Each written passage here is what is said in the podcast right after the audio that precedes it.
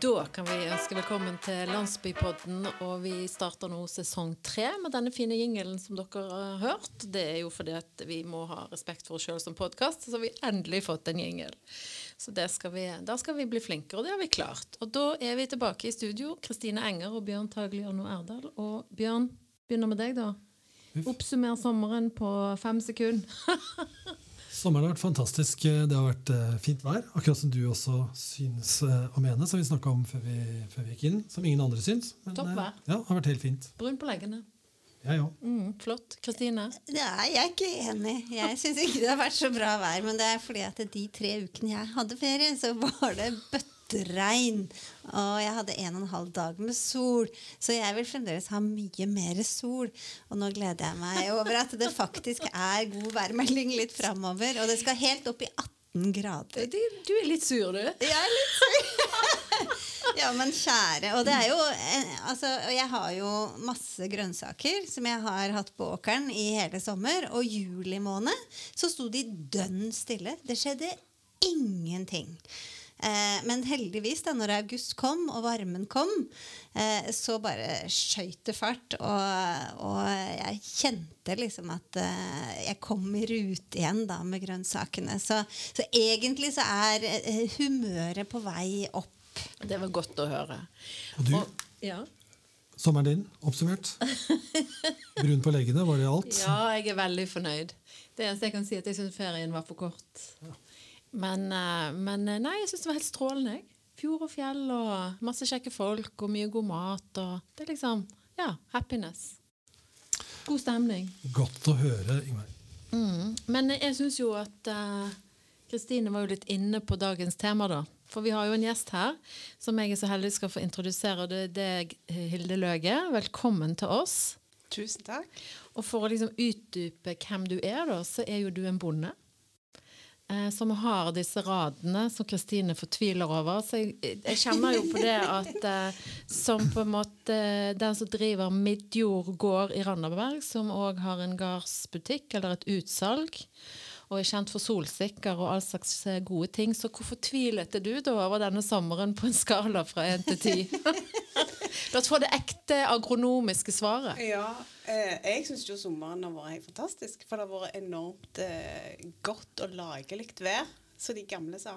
Eh, så det har vært en veldig god balanse mellom regn og varme og god temperatur. Og jeg, ja, jeg er nok den som stresse meg litt opp hvis sommeren enten blir for blaut eller for fin. For da går jeg og bekymrer meg for vanning og tørke eller drukning og uh, oversvømmelse.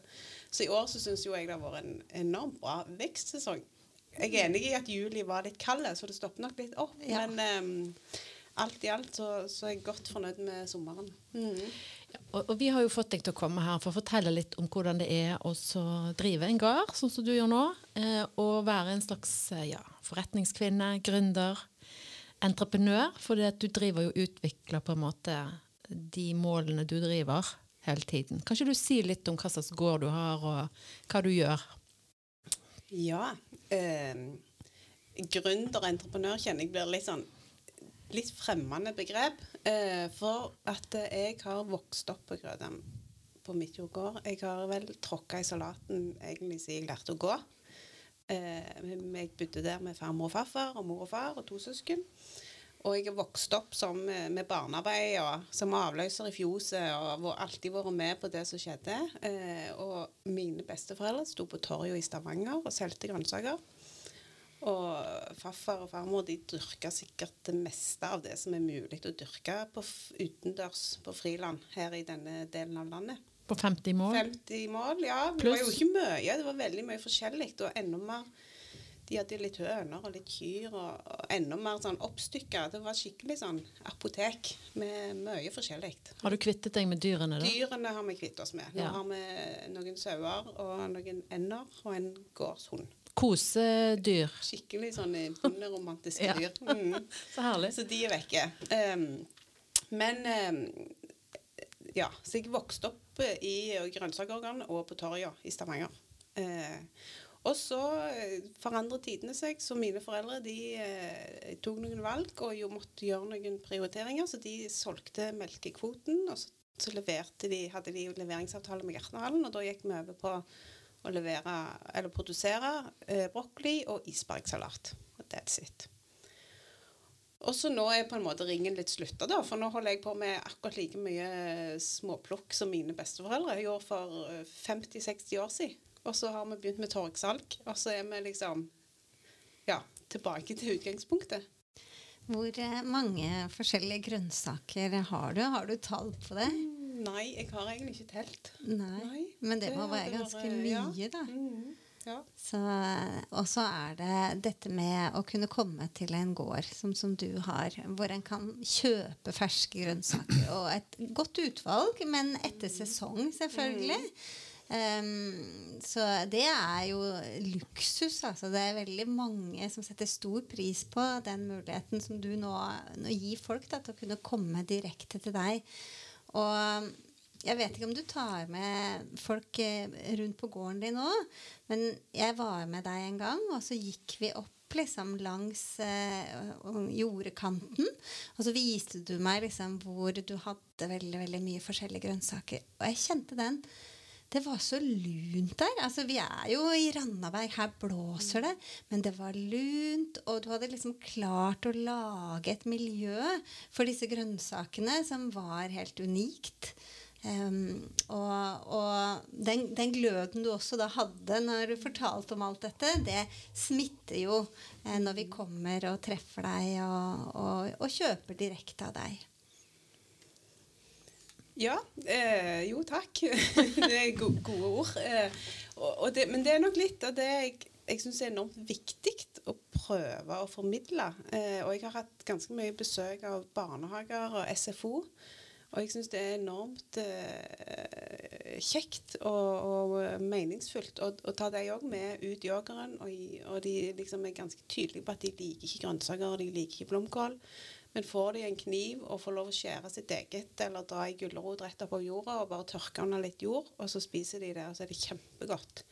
Og det å, å vise og prøve å forklare og formidle hvor maten faktisk kommer ifra, det syns jeg er enormt viktig. For det handler om folkeopplysning og, og kompetanseheving eh, ut blant, eh, blant folk. For det er enormt mange som er nå til dags er så fjerne ifra eh, matproduksjon.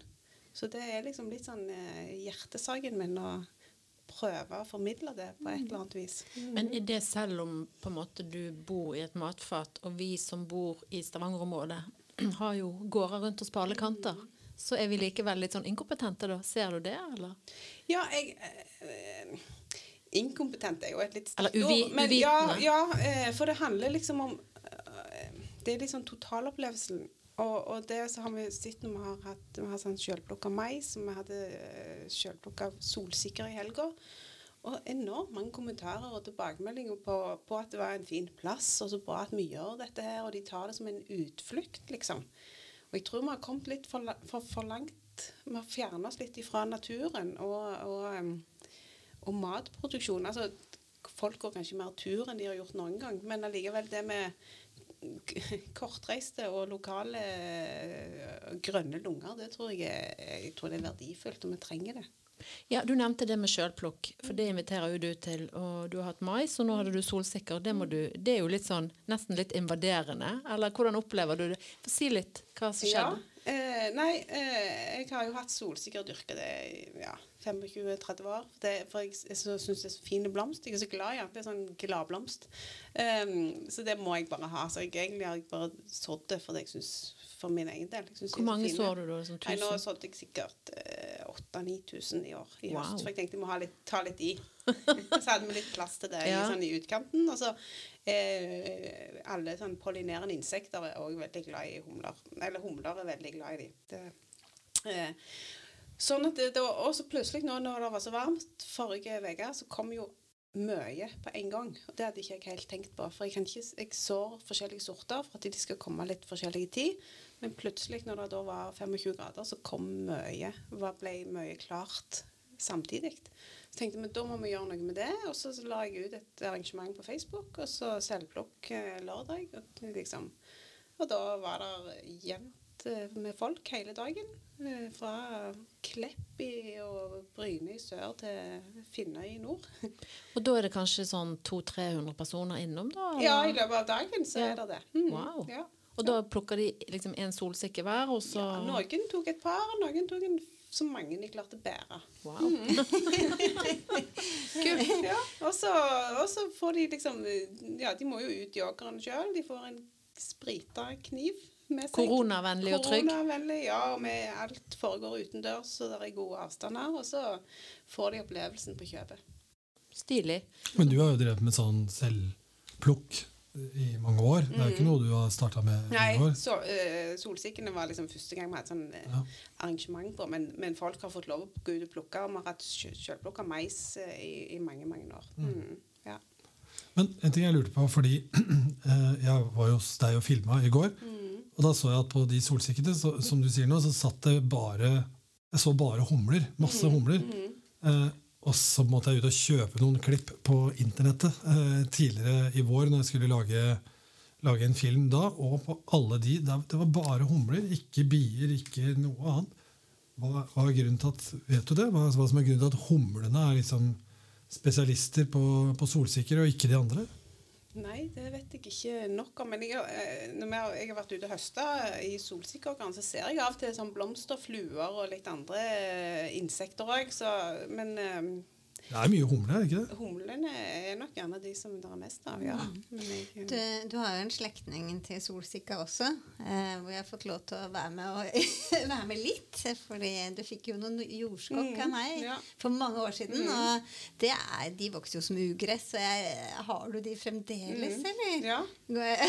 For, for de tar jo over åkeren, altså, hvis de først har planta dem. Ja, jeg har de i utkanten av en liten åker. Mm, og der får de stå, og så, og så sparer jeg opp eh, de største knollene hver høst og høster de inn. Og så lar jeg liksom de minste bare ligge igjen. Ja. Og så holder de seg stort sett der. Oh, ja, Mm. så bra. Men hva gjør du med jordskokken, da? Eh, jeg, har lagt suppe av den. Det har kanskje vært favoritten. Mm.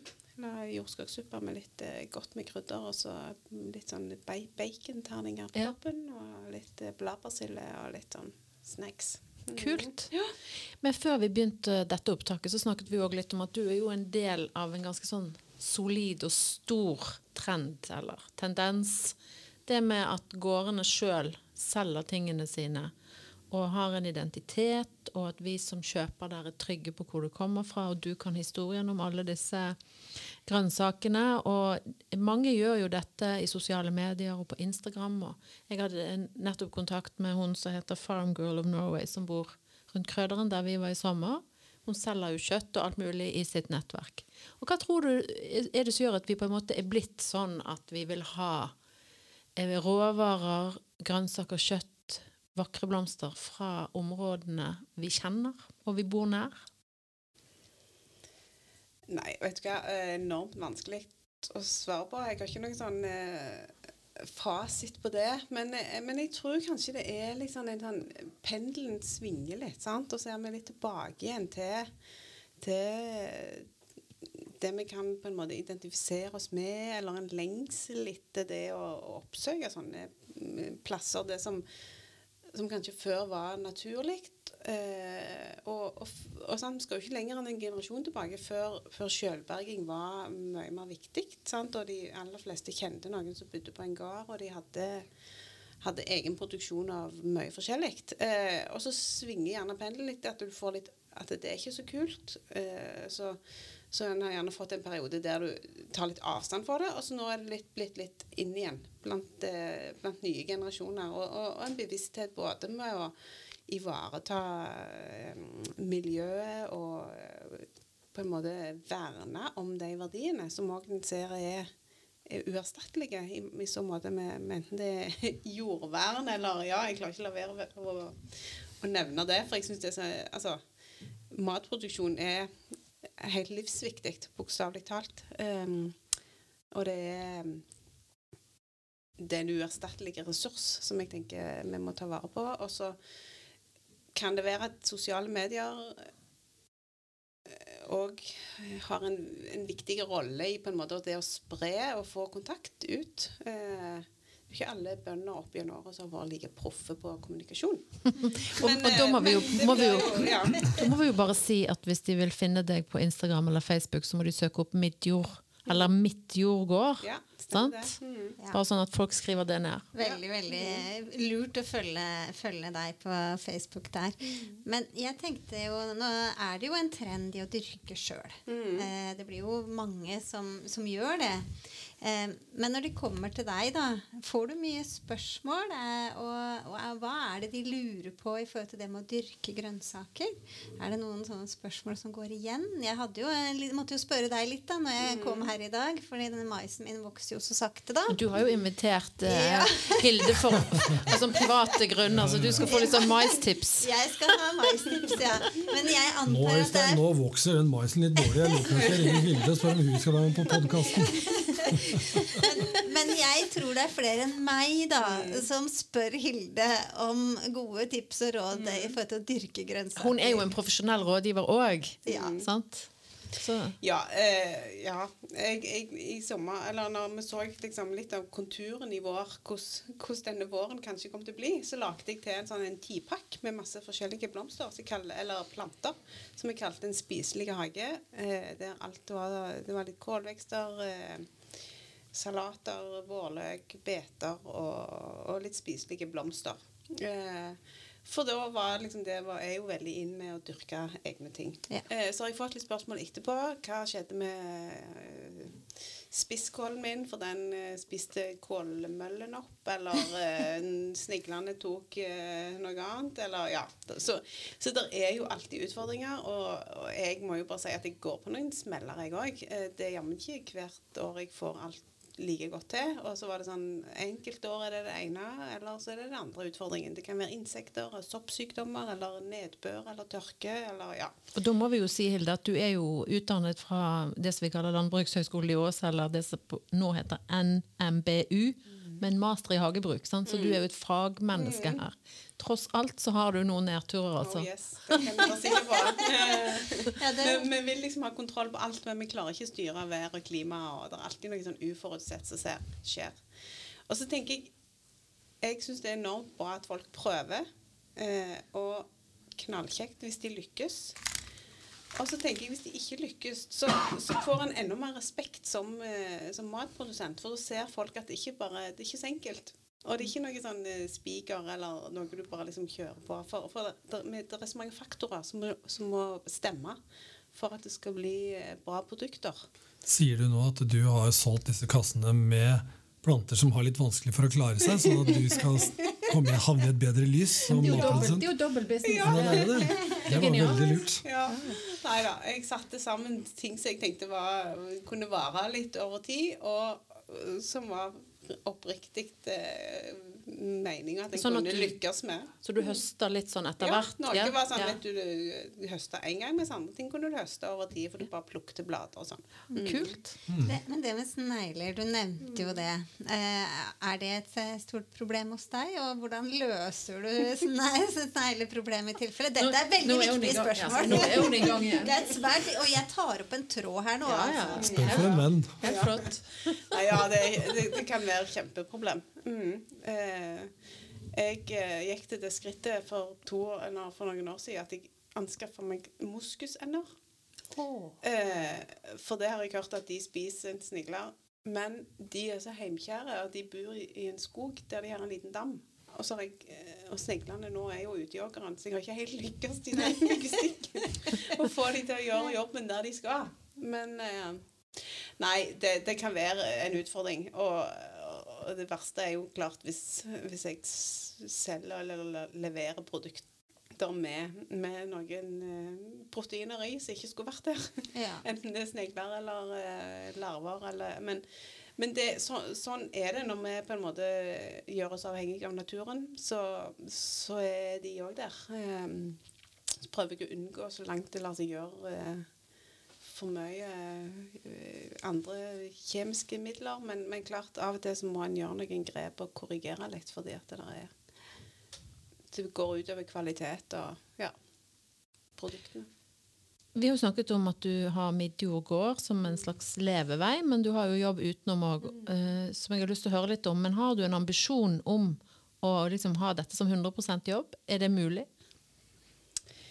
Eh, ja, jeg er vel liksom litt i en prosess der jeg av og til tenker hva, hva gjør vi nå? For det, at det har, det, jeg har sagt at det har vært en hobby.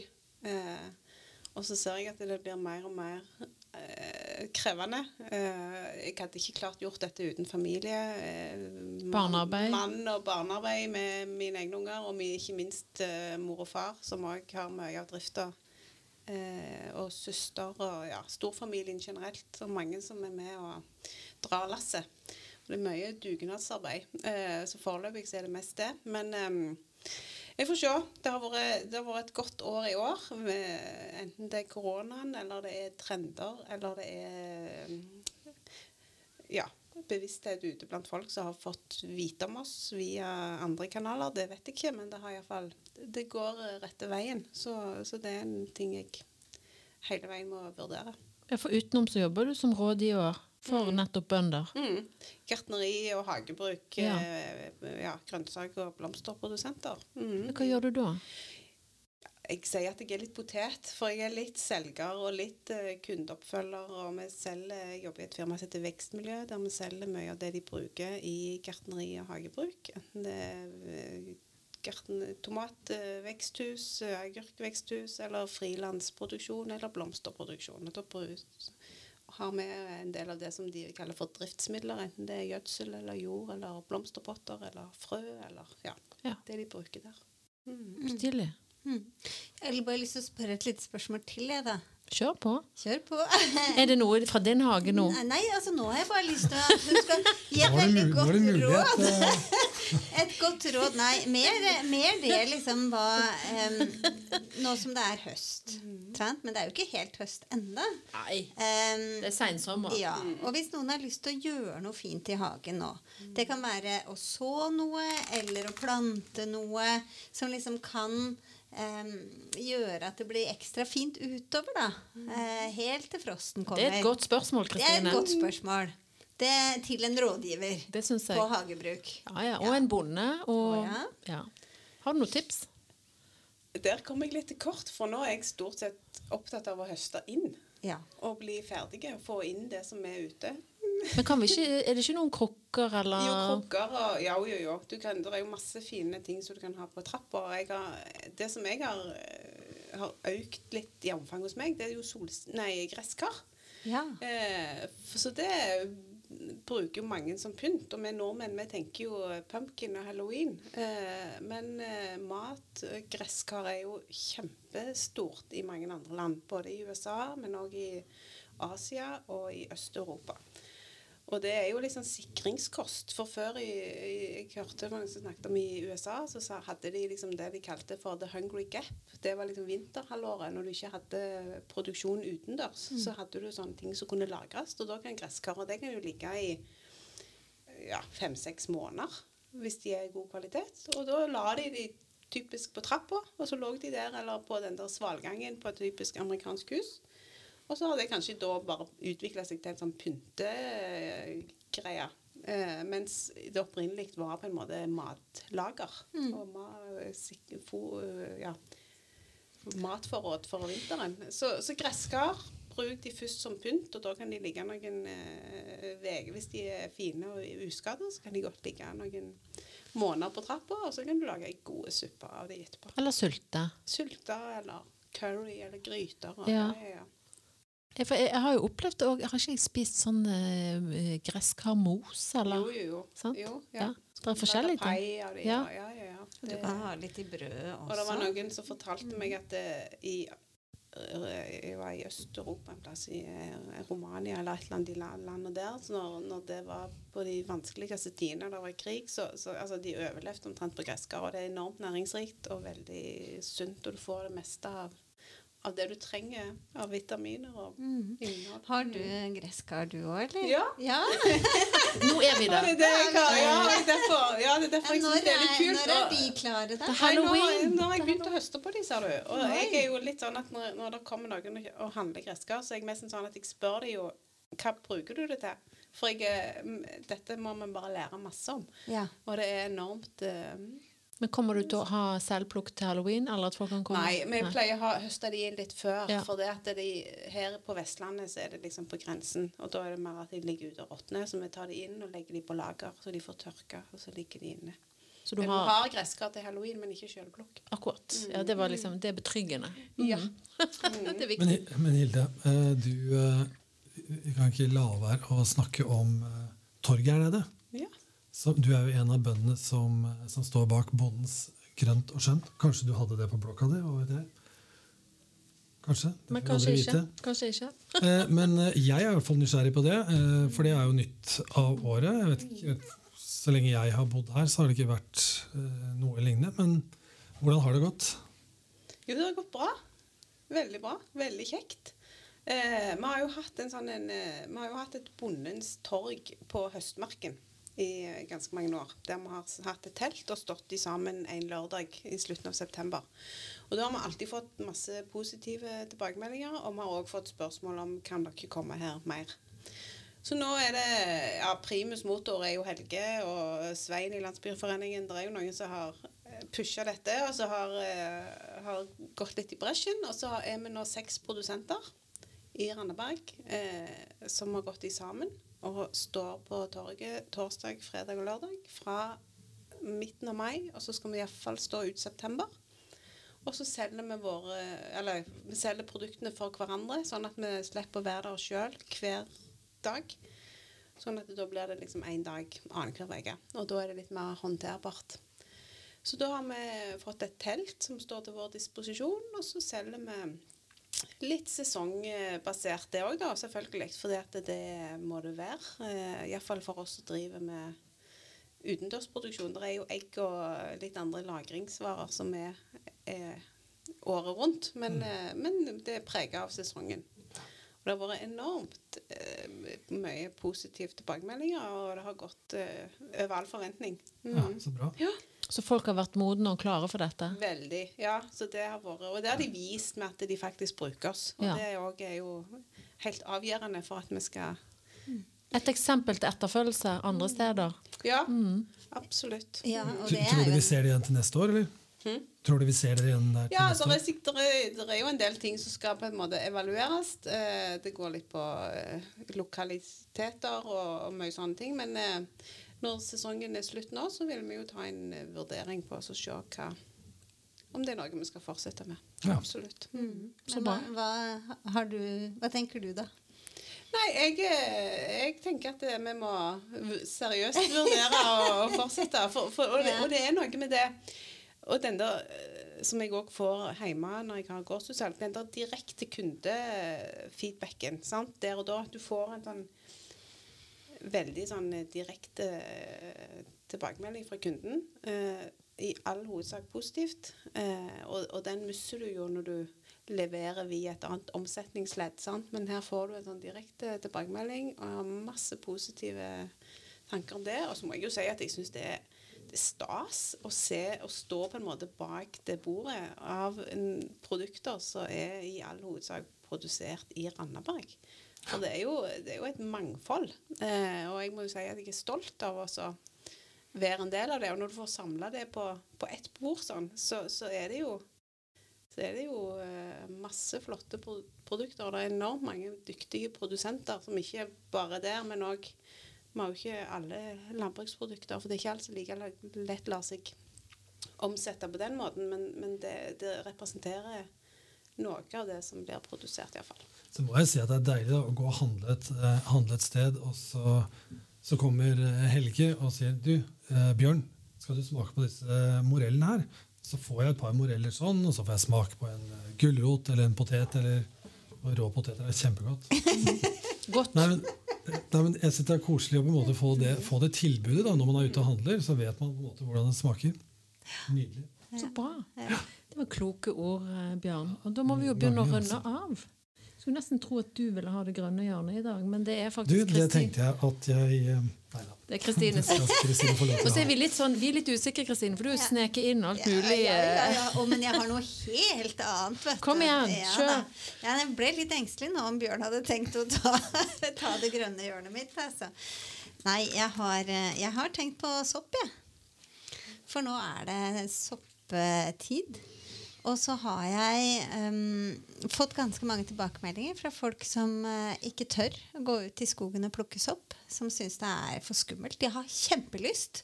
Uh, de har ikke tid til å gå masse kurs og, og, og kjenner at det, det går ikke i hverdagen.